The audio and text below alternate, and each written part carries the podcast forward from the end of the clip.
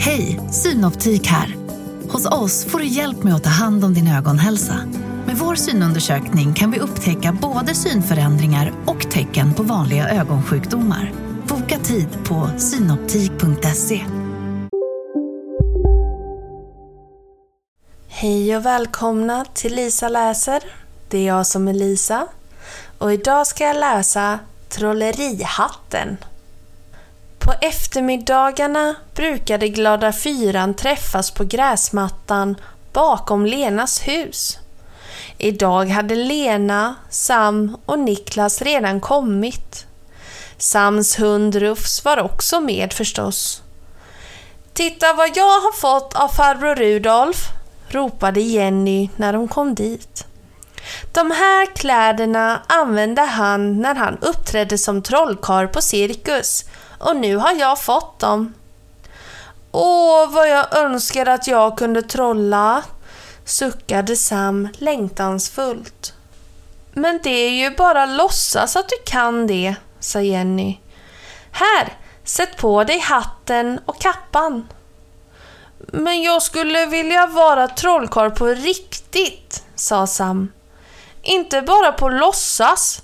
Jag vill ha en stor trolleriföreställning. Men det kanske är trolleri i hatten, föreslog Lena. Du kan väl prova? Vilket dumt förslag, sa Niklas lite avundsjukt. En sån där gammal hatt kan väl inte vara förtrollad heller? Sätt på dig den i alla fall, sa Jenny. Och trolla lite. Ja, jag kan väl alltid försöka, tyckte Sam. Sam lät ett grönt lönnlöv dala ner i den svarta hatten.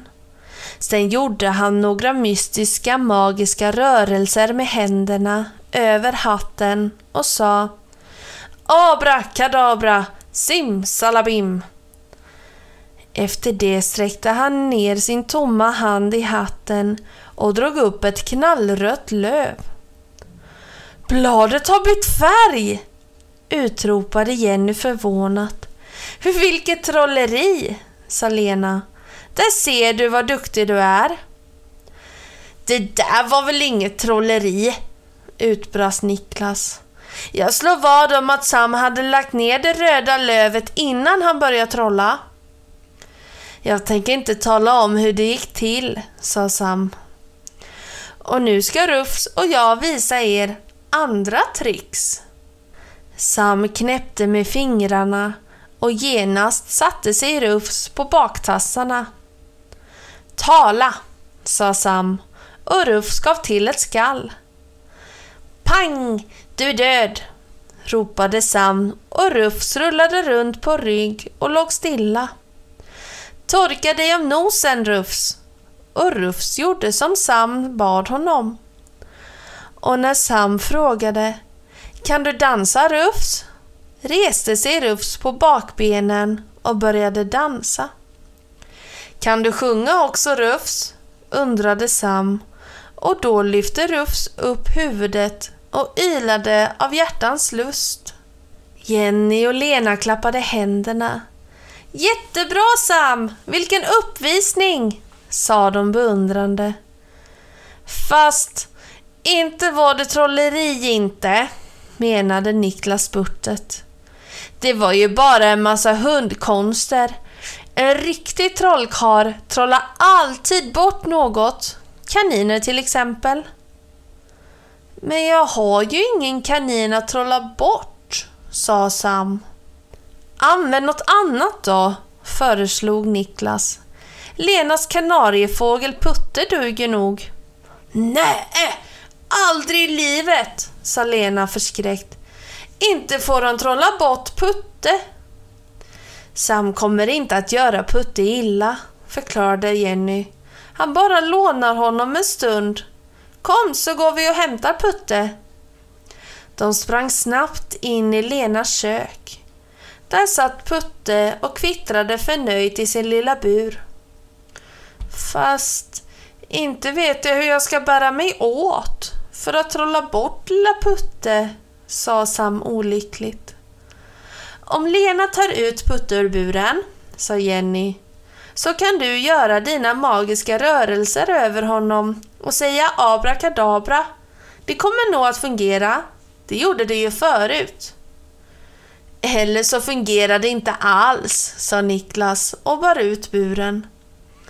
Lena lyfte ut den lilla fågeln på sitt pekfinger.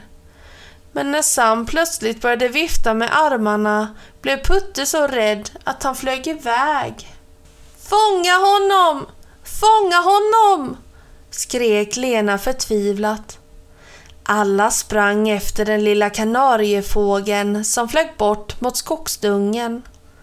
Där var han omöjlig att hitta. Vi måste få tillbaka Putte, sa Sam. De letade överallt efter den lilla fågeln. De letade i groddammen. De letade längs stigarna i skogen där ekorrarna och häckspettarna höll till. De letade i buskarna och i träden. Men ingenstans kunde de hitta honom. Det är kanske bäst att vi går hem igen och ber någon hjälpa oss att leta, sa Jenny sorgset. Ja, det tycker jag nog att vi gör, sa Niklas. Men Sam vill inte riktigt ge upp så lätt. Jag fortsätter att leta ensam, sa han allvarligt. Plötsligt fick han syn på en liten gul fjäder på marken. Putte måste vara i närheten, tänkte han. Han tittade upp i trädet och där, ovanför huvudet på honom, satt Putte och kvittrade. Jag har hittat honom! Jag har hittat honom! ropade Sam till de andra i glada fyran som kom springande tillbaka. Åh Sam, vad duktig du är som fann Putte, sa Lena. Men hur ska vi få ner honom? undrade Niklas. Sam tänkte efter ett ögonblick. Sen viskade han något till Lena och så sprang hon iväg. Efter några minuter var hon tillbaka och med sig hade hon Puttes bur och en kartong med fågelfrön. Lena ställde ner buren på marken och öppnade luckan. Sam hällde ut ett spår av fågelfrön som ledde rakt in i buren. Ropa på Putte att han ska komma ner och äta, sa han till Lena. Snälla lilla Putte, kom och ät, ropade Lena. Middagen är färdig. Genast lämnade Putte sin gren. Först flög han runt lite, men sen flaxade han ner på marken och började ivrigt att äta av fågelmaten. Han pickade längs spåret som Sam strött ut och när han var framme vid luckan hoppade han in i buren. Sam stängde kvickt efter honom. Tack snälla Sam för att du lyckades få in Putte i buren igen, sa Lena. Hur kom du på att använda frön för att få in Putte i buren igen? undrade Niklas. Jo, när jag är hungrig går jag hem och äter. Och då tänkte jag att Putte säkert hunnit bli hungrig under flygturen och hans hem är ju buren. Det var ett riktigt trick, sa Jenny. Ja, sa Niklas. Fast det var inget trolleri. Det tyckte i alla fall jag, sa Lena. Det behövdes faktiskt magi för att få Putte tillbaka. Jag tycker att du borde ha en medalj Sam, sa Jenny. Och så fäste hon en blomstermedalj i Sams knappnål. Alla hurrade. Till och med Niklas som tyckte att det var högtidligt ögonblick. Och snipp, snapp, snut så var denna saga slut.